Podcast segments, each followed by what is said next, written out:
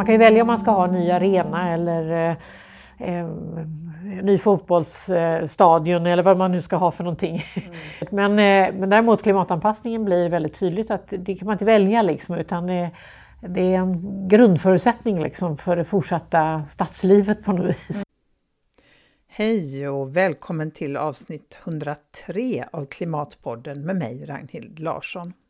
Här får du möta forskare, aktivister, författare, journalister, psykologer, omställare och alla andra som på en mängd olika sätt engagerar sig för att mildra de allra värsta effekterna av klimatkrisen.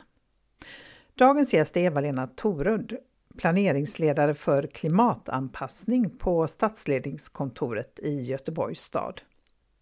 Jag träffade Eva-Lena i Stadshuset den 31 mars för att prata om hennes arbete med att klimatanpassa Göteborg.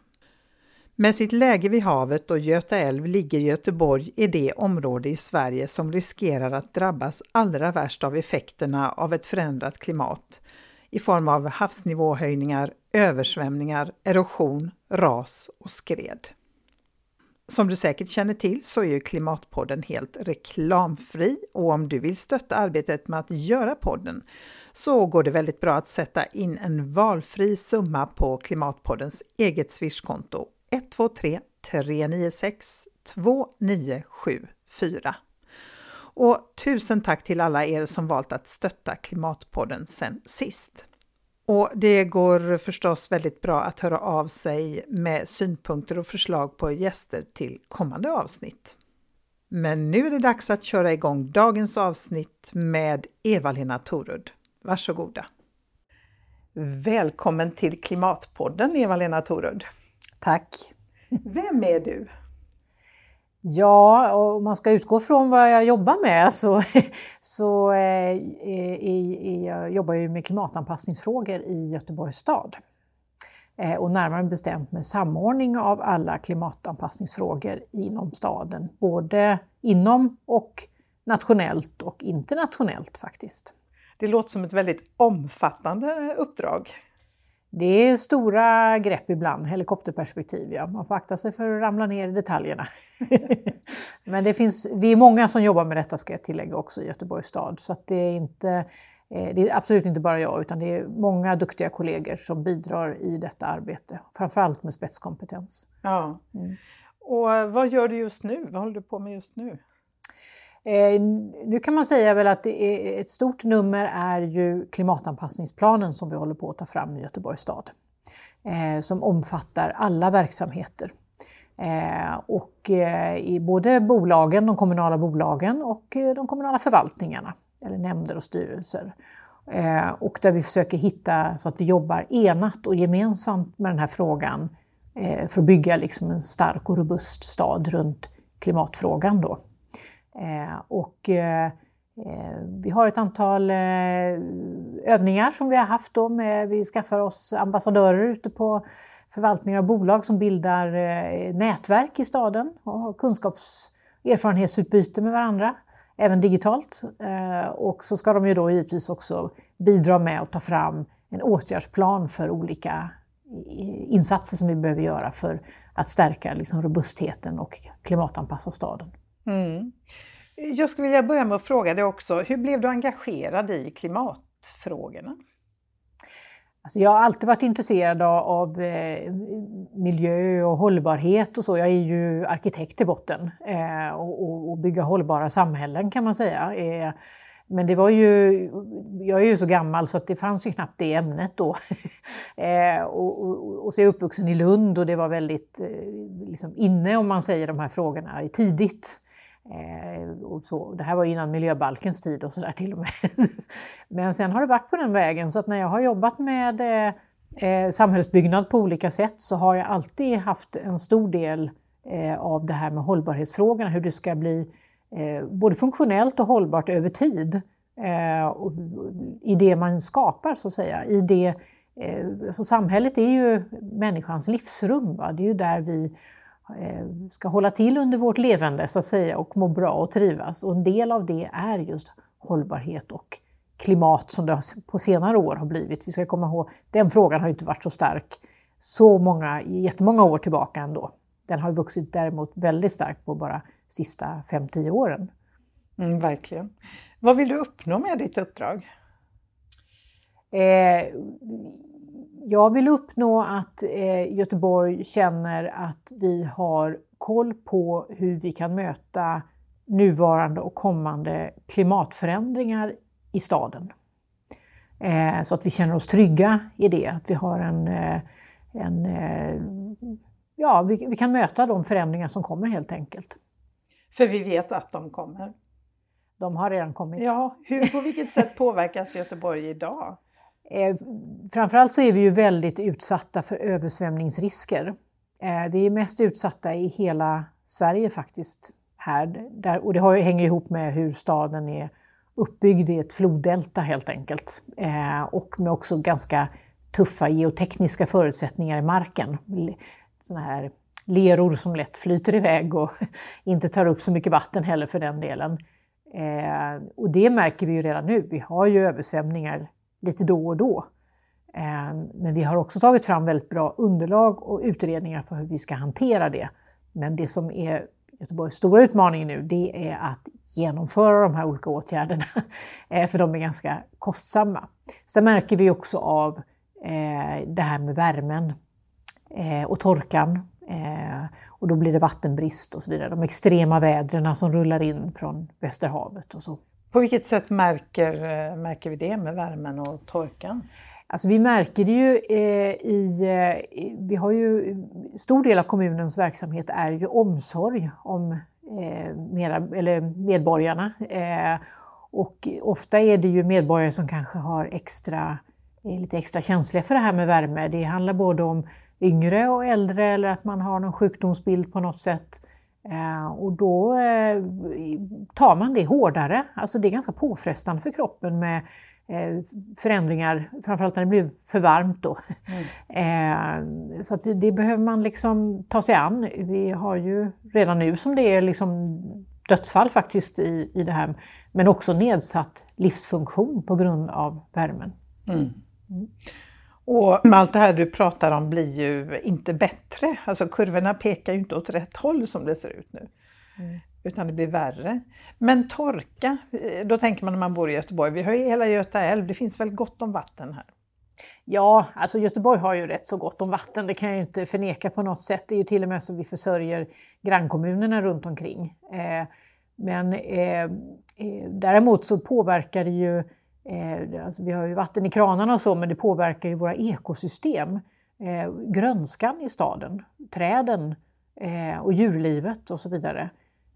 Och vi, man kanske inte tänker på det, men även i en stad så är ekosystemen väldigt viktiga för att skapa harmoni och bra livsmiljö, liksom för, även för människan då, även för djur och så, såklart, mikroorganismer och allt det. Eh, men det bidrar ändå till att vi får ett behagligare klimat, så att säga, om grönskan kan eh, fungera, så att säga. Och, och torkan gör ju att tyvärr så är det en del växter som inte klarar av och vara kvar i vår stad av den anledningen. Så är det någonting ni tänker på när ni planterar nya växter och nya träd och sådär? Eh, jag kan inte svara på den frågan så i detalj, men eh, jag är ganska övertygad om att man väger in de aspekterna. Mm.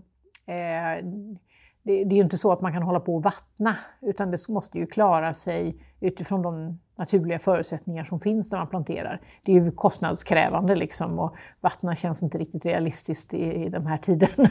Nej. Så det tror jag inte, men det, får du kolla upp med parkenheten där, hur de gör exakt.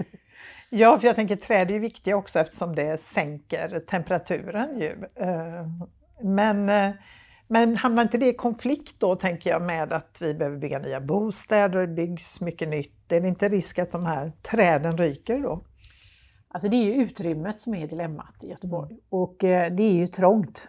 Och träden brukar jag säga, de är fantastiska för de står där och bara jobbar gratis hela dygnet runt, år efter år efter år och länge, hundratals år. Mm. Om de får rätt livsförutsättningar. Men det är ju det att de tar lite yta då på marken och det är klart att där kan man ju bygga bostäder då.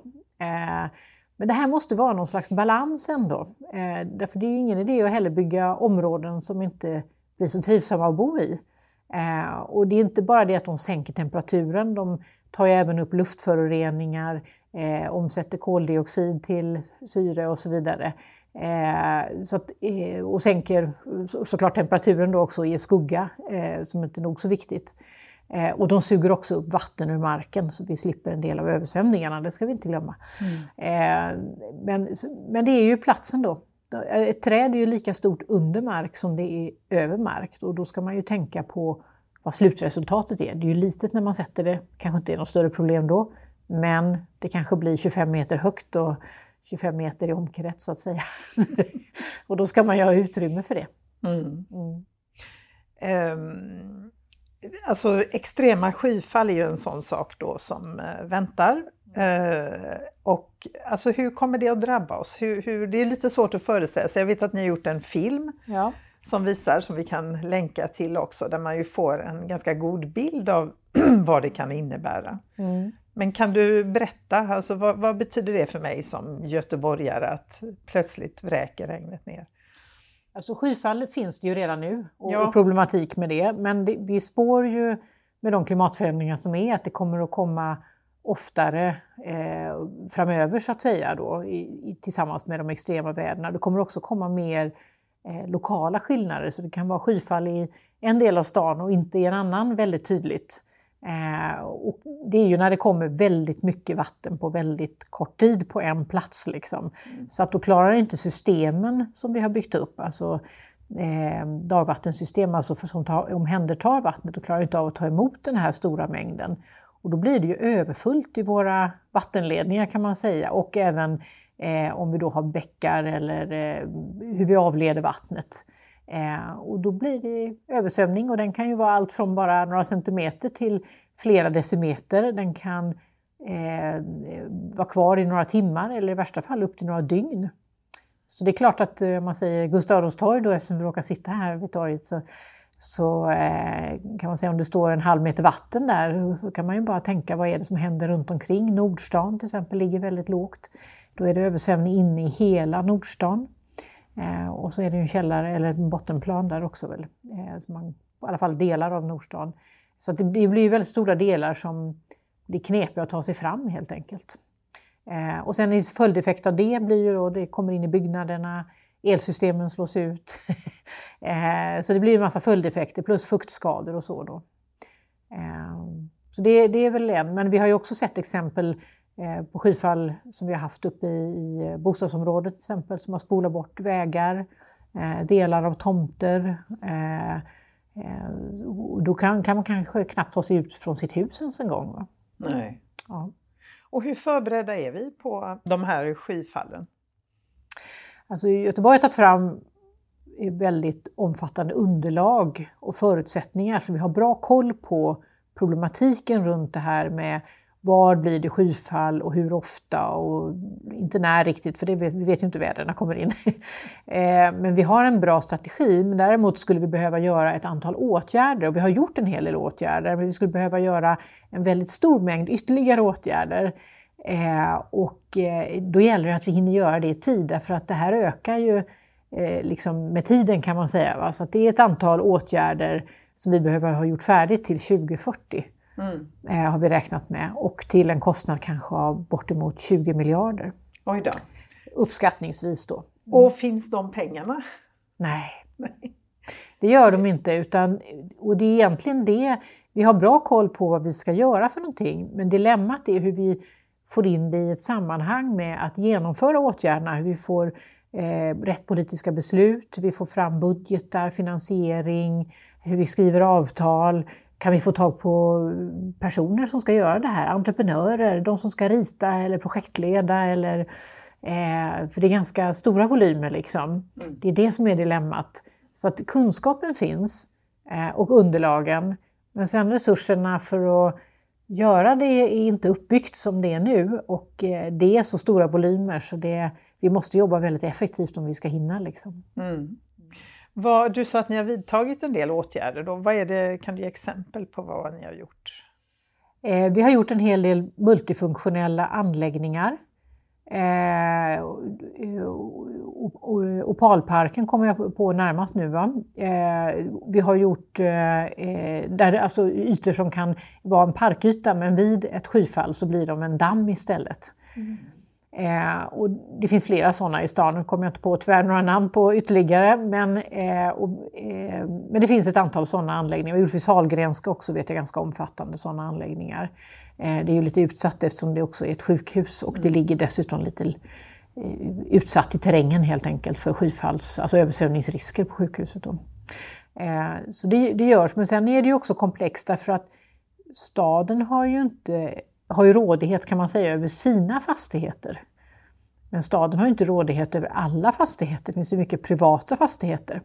Och då ska ju de egentligen enligt, nu blir vi lite formella här, men eh, då blir ju de eh, ansvariga för att skyfallssäkra sin fastighet. Men dilemmat är ju då att vatten är ju ett svårt ämne, liksom material att jobba med. För det är ju inte där man vill ha det utan det rinner ju omkring. Mm. Mycket lättare med betong eller med mm. ja, makadam eller liksom något sånt material. Så att därför måste man ju hitta lösningar som går över fastighetsgränserna där man samarbetar flera fastighetsägare. Eh, och här finns det ju en resa att göra kan jag säga, för att hitta hur vi ska lösa det här helt enkelt. Mm. Eh, så ja, vi har kommit en bit, men det behöver göras mycket, mycket mer och framförallt är det runt de här själva, vi brukar kalla det för managementfrågorna för att få det att, eh, att hända liksom, mm. som vi behöver utveckla mycket mer. Och vi behöver också mer stöd i lagstiftningen. Vi behöver utveckla vår lagstiftning och komplettera den så att det blir lätt att jobba med klimatanpassningslösningar. För lagstiftningen är inte riktigt anpassad helt enkelt? Nej, alltså en lagstiftning utvecklas ju hela tiden utifrån behov så att, eh, då kan man säga att eh, den behöver då uppdateras, att den stödjer helt enkelt de här processerna att kunna agera helt enkelt, skapa en rådighet som man brukar prata om då. Mm. Mm. Hur stor är kunskapen skulle du säga om eh, klimatförändringarna och konsekvenserna eh, inom Göteborgs stad? Du menar de som jobbar inom Göteborgs? Ja, de som jobbar och sen har vi ju allmänheten också. Ja, precis. Ja. Eh, vi ser nu när vi jobbar med klimatanpassningsplanen, för då har vi faktiskt kontakt med alla förvaltningar och bolag i hela staden, att det eh, man kan säga de samhällsbyggande förvaltningarna, bolagen, är ju generellt mer utvecklade i sin kunskap och hur de eh, jobbar och hanterar förändringar och möte med klimatanpassningslösningar än om man säger vård, skola, omsorg. Eh, och det är väl ganska naturligt. Men samtidigt så har vi ju eh, de svaga grupperna, eller man ska säga medborgare kanske i större behov av omsorg eh, i, inom vård, skola och omsorg. Så att, Eh, vi behöver kanske bygga på kunskapen där eh, och skapa en lite större beredskap. Eh, se över våra rutiner, processer. Det behöver inte vara några kostsamma grejer. Det handlar kanske bara om en ökad medvetenhet helt enkelt. Hur man möter till exempel en, om det blir skyfall eller torka eller ja, hur man ska agera då helt enkelt. Mm. För att inte hamna i en krissituation. Då. Mm. Och medborgarna då, hur är göteborgarna? Är vi, är vi medvetna om det här tror du, eller skulle du säga? Jag tror det är lika stor medvetenhet som det är i övriga riket. Så. Ja, ja, Men eh, eh, det finns nog en, en, utvecklingspotential där kan jag ju säga. Eh, och man ska också komma ihåg att det är en generationsfråga hur man är medveten om det här med klimat och klimatförändringar. Eh, och, och, och, yngre kanske är lite mer medvetna än den äldre generationen då eh, generellt. Men eh, jag tror vi skulle behöva jobba väldigt mycket mer med information och, hur vi kommunicerar helt enkelt det här med klimatanpassning och vad varje medborgare kan bidra med in i det här. Mm. Eh, och då menar jag att ibland är det små saker som gör stor skillnad om alla gör det. Mm. Eh, så att, det är en sak att staden behöver bygga olika saker men medborgarna behöver också kanske anpassa sina sätt eh, för att möta de här klimatförändringarna som kommer. Och där har vi ett arbete att, att ta tag i kan man väl säga. Mm. Och vad kan det vara som jag som medborgare kan göra? Då? Alltså man kan ju börja med att man egentligen ska försöka se till att klimatavtrycket blir så litet som möjligt. Alltså det är att minska klimatförändringarna. Ja, ja, För då behöver vi göra mindre klimatanpassningar. Ja. Eh, och, och, och, då handlar det ju om, om, allt med konsumtion, hur du transporterar dig och, och, och där tror jag man är hyfsat medveten faktiskt. Mm. Det handlar om hur man ändrar beteende och det är inte så lätt.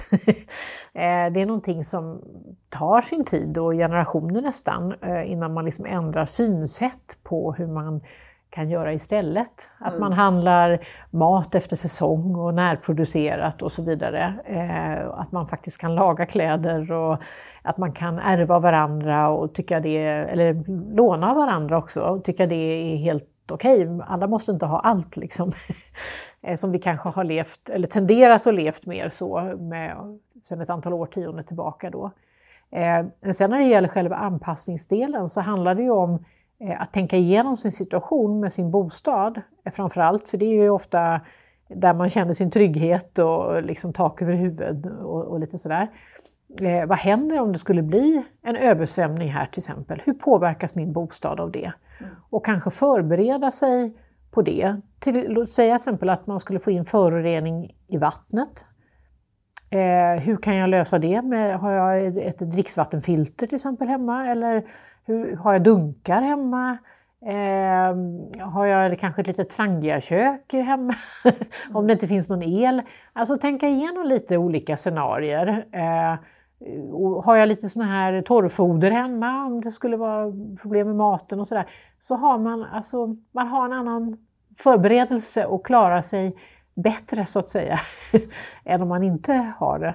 Eh, och där har, vi ju, där har det ju varit mycket kampanjer Mm. Eh, på, eh, nationellt liksom, eh, och kanske till och med internationellt. Men jag vet inte faktiskt hur det har slagit igenom. Det var lite under pandemin tyckte jag man märkte att då tänkte folk lite annorlunda. Men Just det, ökat krismedvetande. Ja, fast nu ja. känns det som de har liksom gått tillbaka lite grann igen kanske då. Ja.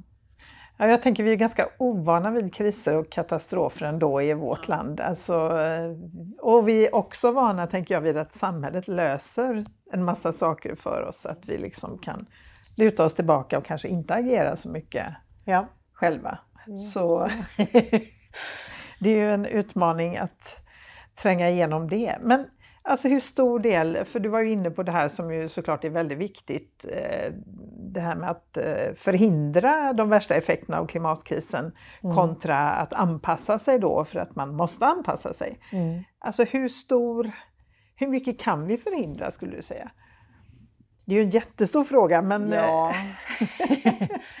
alltså jag, jag, tror man måste tänka att vad, vad kan jag göra i det här? Vad ja. är min del? Sen får, klart att, att, det är en liten, liten del, men om alla tänker så, att jag kan bidra med något här, så, så tillsammans blir det ju ändå en skillnad. Det såg vi under pandemin. Mm. Eh, och att man liksom tänker sig för kanske lite hur man, hur man gör helt enkelt. Men eh, som det, som det är nu så är det ju, alltså, vi kan ju inte förhindra och stoppa klimatförändringarna utan vi kan bromsa in effek, alltså effekten av dem. Eh, och att anpassningsbehovet inte blir fullt så stort. Mm. Eh, men det är också kanske det vi kan göra i, i nuläget. Då. Mm. Men jag får ibland höra sådär att nej men det är ändå kört. Eh, så det spelar ingen roll för det är ändå kört, vilket ju är ett ganska, vad ska jag säga, ja det är en ganska trist inställning eller vad ska man säga. Jag kan förstå att man drabbas av hopplöshetskänslor men det är ju inte så eh, ja, det är inte så konstruktivt helt enkelt och det, det, det blir ju nästan en ursäkt också då för att slippa, kan ju vara en ursäkt för att slippa göra någonting också tänker jag. Ja, det är klart man kommer ju inte utplåna liksom jordklotet sådär inom några årtionden bara, men eh, tittar man på århundraden så, så är det ju stor skillnad mm. om man gör någonting nu mm. eller om man inte gör någonting. Ja, ja, och då får man liksom tänka, tror jag, nästa generation och, och, och liksom att det ändå går att vända trenden och eh, skapa förutsättningar liksom för den fortsatta existensen på något vis och under drägliga former. Men eh, Ja, nej, jag tycker inte man ska... Sen, sen vad vet vi om framtiden? Alltså? Det, nej, nej, precis. Det, vi tror att vi har konsum, kontroll kanske på saker och ting, men det har vi ju egentligen inte. Vi vet ju inte jättemycket om framtiden, exakt hur det kommer att bli. Även om det varit väldigt stabilt nu under ganska lång tid. Liksom. Mm. Att, eh, mm. Eh, hur ser du på framtiden? Jag menar, nu har vi fått en IPCC-rapport som eh, verkligen slår fast att läget är väldigt illa och att vi måste agera nu. Mm. Klimatpolitiska rådet kom med en rapport som sågade politikernas mm. eh, åtgärder eller snarare, ja man sa väl till och med att det var första gången man, politikerna fattar åtgärder som förvärrar krisen. Mm. Eh, alltså vad tänker du då? Alltså jag tänker att man måste ändå, när man jobbar med det här så får man inse eh, att, att, man bidrar ändå till någonting, att det blir någonting bättre och så får man eh, liksom se att det är bra.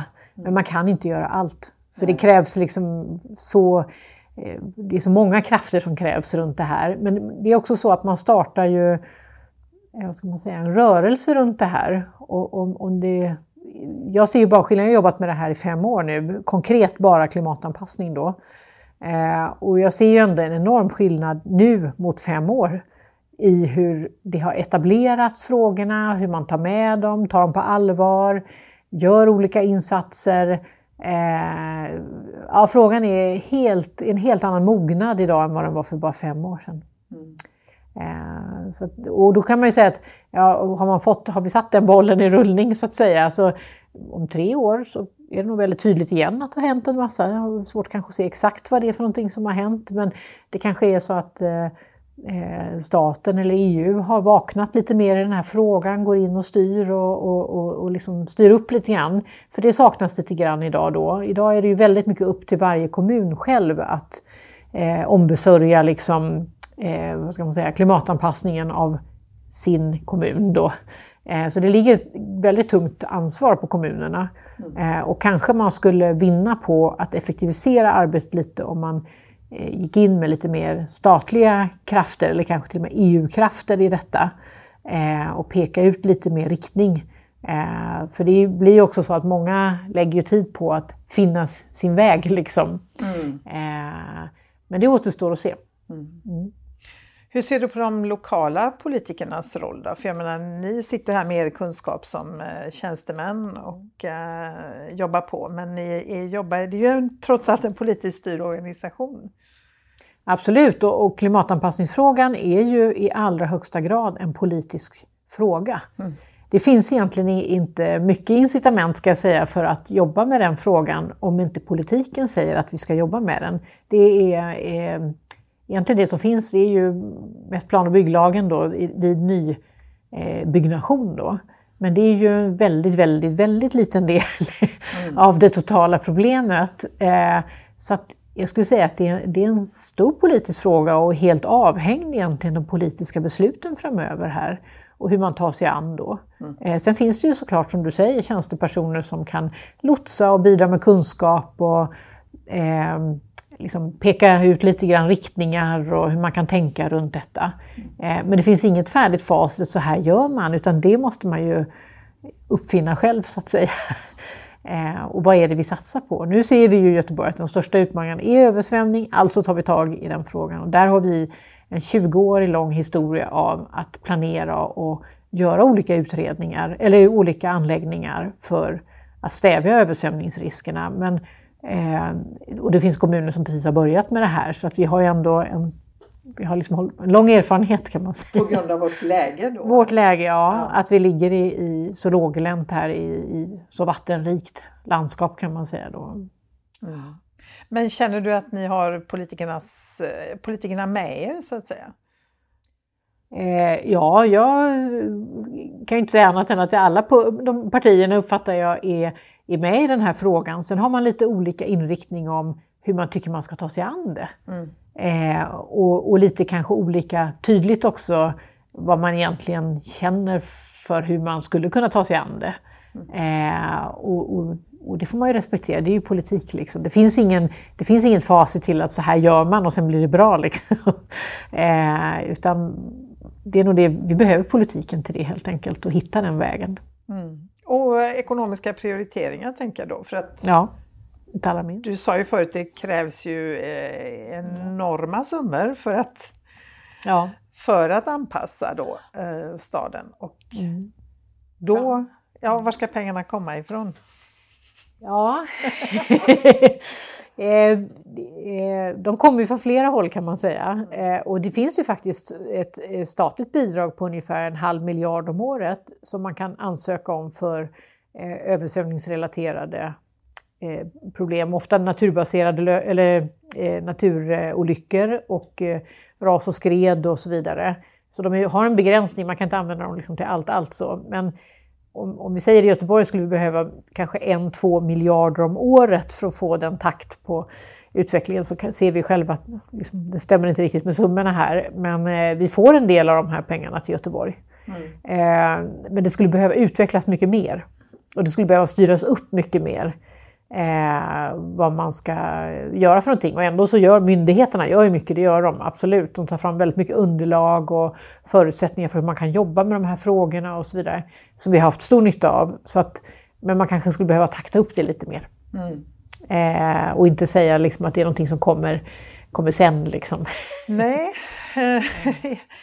Jo, jag tänker ibland så får man ju höra argumentet nej men det är för dyrt, vi har inte råd att anpassa, ja. vi har inte råd att klimatanpassa. Mm. Eh, men samtidigt så kostar det väl enorma summor om vi inte gör något, om vi inte ja. anpassar. Ja. Kan ni visa, har ni sådana exempel där ni liksom kan säga att ja men om vi inte åtgärdar det här då innebär det de här och de här och de här kostnaderna? Ja, alltså vi har ju exempel från framförallt eh, Köpenhamn och Malmö som hade kraftiga översvämningar 2011 och eh, 2014 här för mig det var. Eh, och de uppskattade eh, att det var ungefär tio gånger så dyrt att inte klimatanpassa som att klimatanpassa. Sen kan man säga att det är dyrt att klimatanpassa också, men det är ännu dyrare att låta bli då. Mm. Eh, sen brukar jag säga att man kan ju välja eh, om man ska vara lite man kan ju välja om man ska ha en ny arena eller eh, ny fotbollsstadion eller vad man nu ska ha för någonting. Mm. eh, men klimatanpassning, för det, då händer ju inte så mycket om man ser det på ett sätt i alla fall.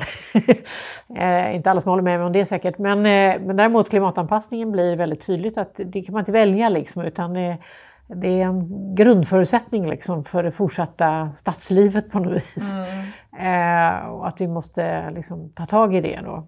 Eh, så ser man i relation till det så är det ju inte, alltså till människoliv och hälsa och så, så är det ju, ja, det är mycket pengar men eh, vi, måste, vi ska ju leva någonstans. Vi har inget val. Liksom. Nej, har inget val.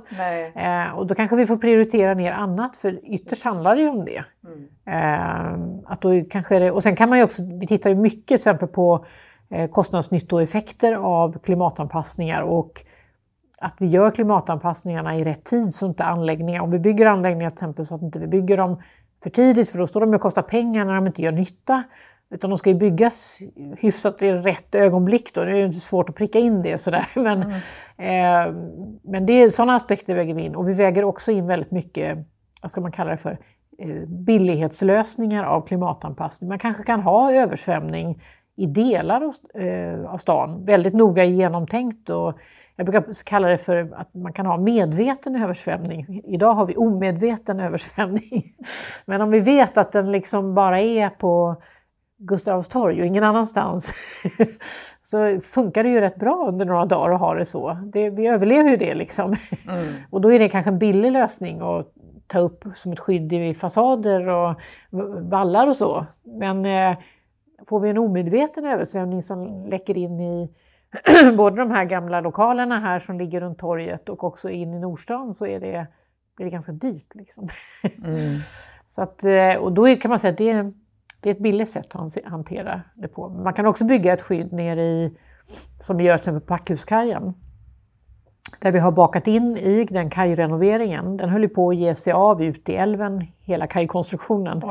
Eh, och hade sjunkit ganska rejält och sådär. Eh, och det är ju en ganska strategiskt viktig plats för Göteborg också, mycket kulturhistoria och eh, många som rör sig där helt enkelt. Eh, så då i samband med den kajrenoveringen så eh, bakade vi in ett högvattenskydd då, som det heter. Eh, och där, på det viset fick vi ju ner kostnaderna när vi gjorde det samtidigt. Mm. Eh, så att, men ändå ska man också tillägga att kostnaden totalt per löpmeter, nu är det både kajkonstruktionen och högvattenskyddet, går ungefär på 750 000 per löpmeter. Oj. Så det är inga billiga grejer. eh, men ja, vi vill ju också bevara våra fina kulturmiljöer. Men det är kanske, man kan säga att där är väl kanske den exklusivaste varianten av högskydd och högvattenskydd. Man kan ju jobba med bara eh, banker med makadam och, och jobba med mer naturbaserade lösningar och få ner priset betydligt. Alltså växtlighet som binder eh, kajkanterna. Liksom. Men då ser det inte ut som en kaj längre. Nej, nej. nej just. Så att man får bestämma lite vad är det för uttryck vi vill ha i stan också. Ja. Eh, vi vill att det ska se lite stadsmässigt ut såklart. Liksom. Just det. Mm. Men finns den här så säga, förståelsen? Jag tänker Göteborg är ändå så här marknadsförs som en evenemangsstad och det byggs ändå ganska mycket nytt och nya arenor och allt vad det nu är. Eh, alltså finns den förståelsen då att nej men nu måste vi pausa det, vi måste lägga pengarna på detta?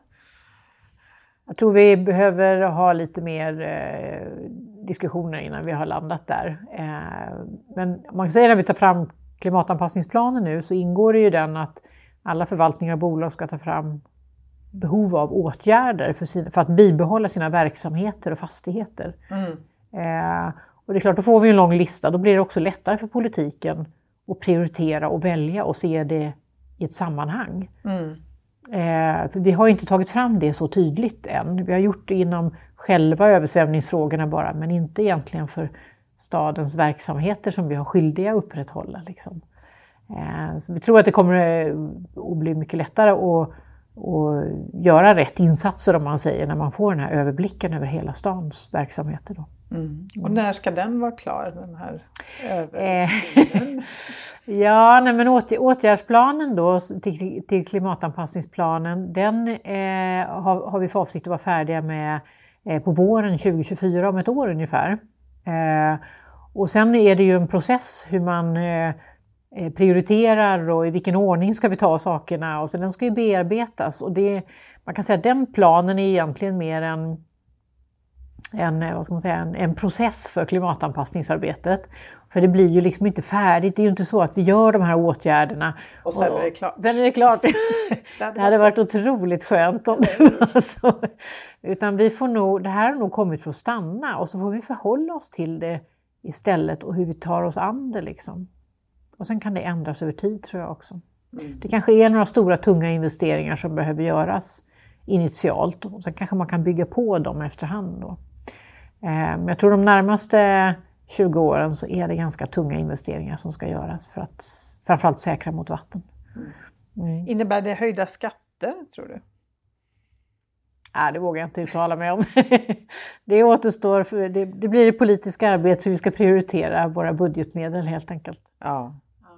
Vi pratade ju tidigare, ska vi återkomma till det här med kunskap, för det känns som att det ändå är grunden, att människor förstår eh, vad som håller på att hända, vad som händer och vad som kommer att hända eh, för att man ska kunna införa några åtgärder. För jag tänker om inte om man inte har kunskapen då blir det bara obegripligt och man är, då är man också ganska ovillig tänker jag, att ändra mm. sig. Jag menar, pandemin visar ju ändå att vi var ju beredda att göra väldigt stora inskränkningar i våra liv.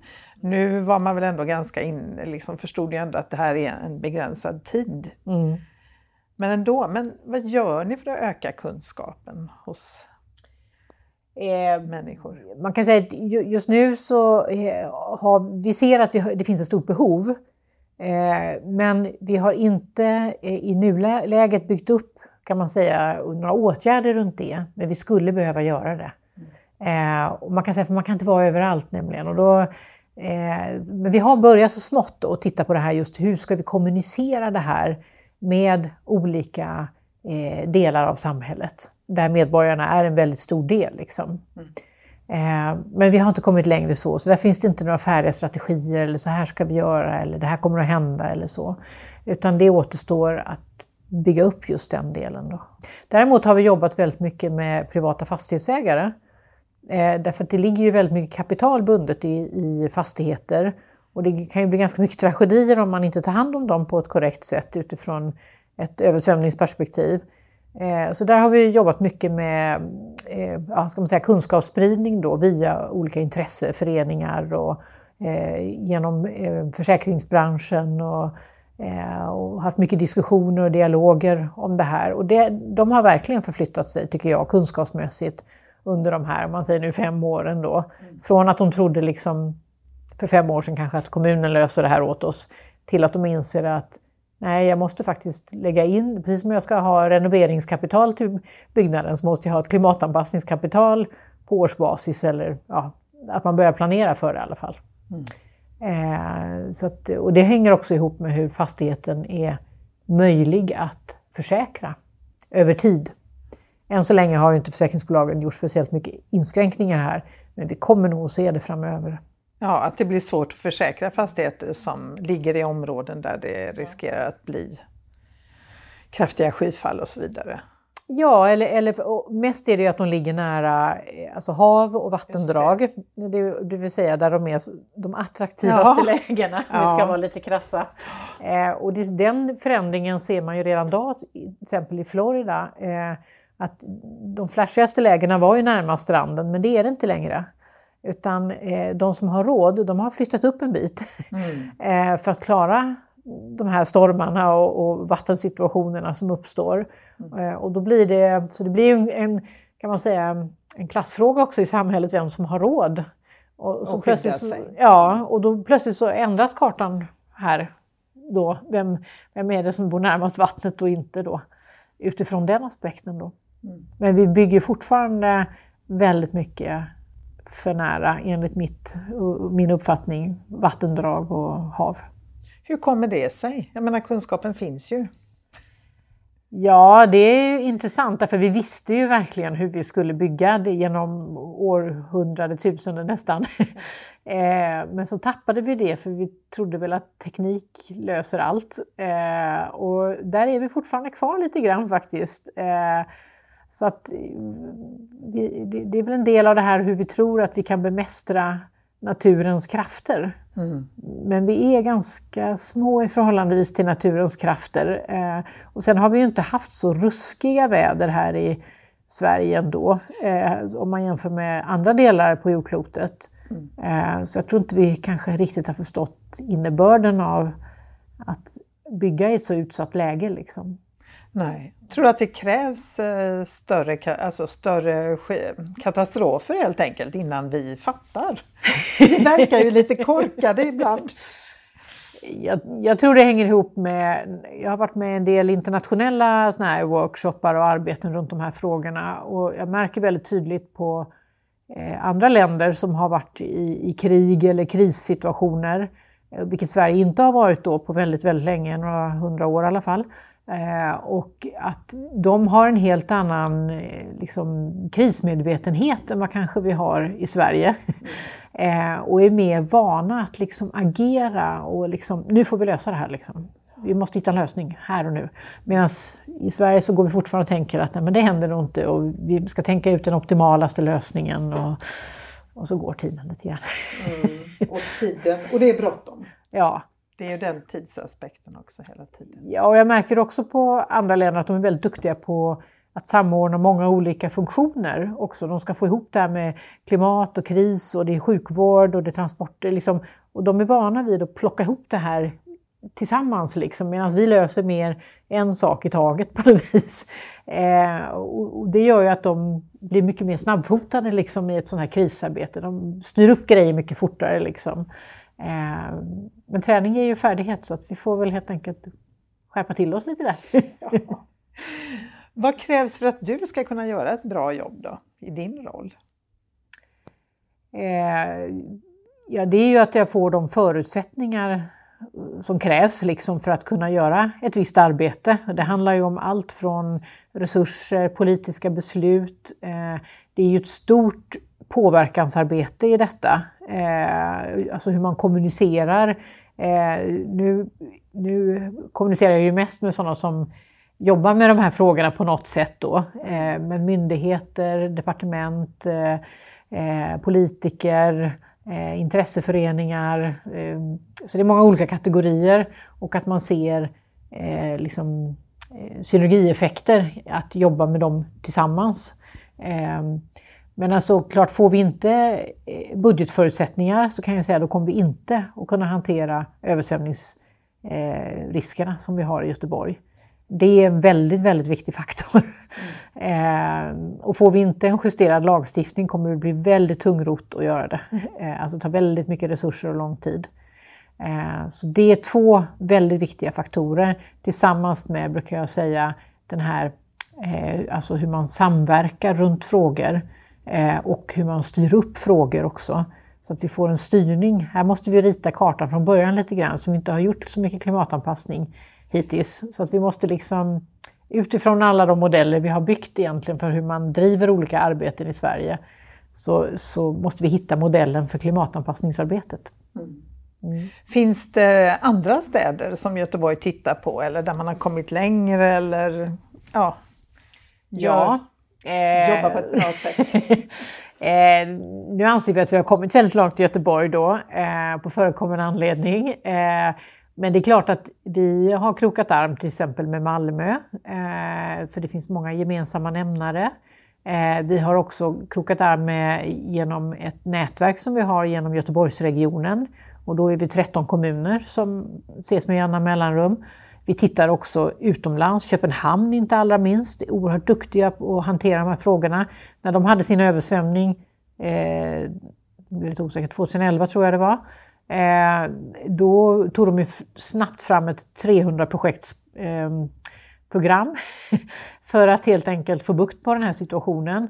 De är väldigt snabbfotade i det här mm. arbetet men de har också andra förutsättningar i sin lagstiftning och hur de kan ta ut finans, alltså hur de, hur de kan finansiera det och så. Eh, det har vi sneglat på. Vi har sneglat mycket på Holland, på Tyskland. Eh, så att vi har ett antal, eh, och jag har varit nere i Portugal också och tittat hur de har hanterat det där. Eh, så ja, vi har ett antal som vi sneglar på och hämtar inspiration från. Eh, och det är, det är liksom främsta framgångsfaktorn för att lyckas med det här, det är ju att jobba just så här i nätverk hela tiden. Mm. Stämma av åt olika håll och sen kommer någon lite längre i, där och då snappar man upp det och sen, sen gör vi någonting ibland och då snappar andra upp det. Och man bjuder väldigt mycket på sin kunskap för man inser att det här är liksom livsnödvändigt. Ja, det hänger ihop och vi är alla beroende av att eh, klara av det ja. på en viss nivå. Liksom. Ja, eh, så det känns ju som ett viktigt och väsentligt arbete. Mm. Det, eh, men det är också mycket eldsjälar som eh, liksom ansluter sig till att jobba med det här. Mm. Vad ger dig kraft och energi att hålla på med det här? Nej, men det är nog alla eh, liksom, möten med människor. Mm. Eh, och, och liksom den, just det här att det attraherar eldsjälar och eh, som brinner för det här och, och, och, att man ändå eh, tar två steg fram och ett tillbaka emellanåt också. det går inte alltid bra, eh, men eh, då hittar man nya vägar och så hjälps man åt i det här och diskuterar och hur kan vi ta oss vidare. Väldigt positiv inställning och att man bjuder väldigt mycket på sig själv också och det man har skapat, sin erfarenhet. Liksom. Mm. Mm. Och till sist undrar jag, vad är det? Det är ju lite samma sak egentligen som du nyss svarade på kanske, men vad driver dig att hålla på med detta? Vad är det som får dig att gå upp till jobbet morgon efter morgon? Nej, men det känns ju som ett väldigt meningsfullt arbete. Eh, man känner ju att man gör någonting som är viktigt och bestående och eh, som handlar om ganska många människors livssituation liksom, och att den kan liksom bli tryggad och säkrad. Och, Eh, så det, och, och, ja, men det driver en liksom att, att, känna att man kan bidra till det. Mm. Stort tack för att du var gäst i Klimatpodden. Ja, tack så mycket.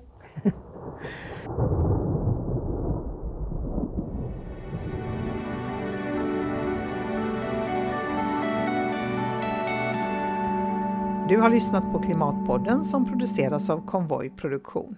Gäst i dagens avsnitt var Eva-Lena Torudd.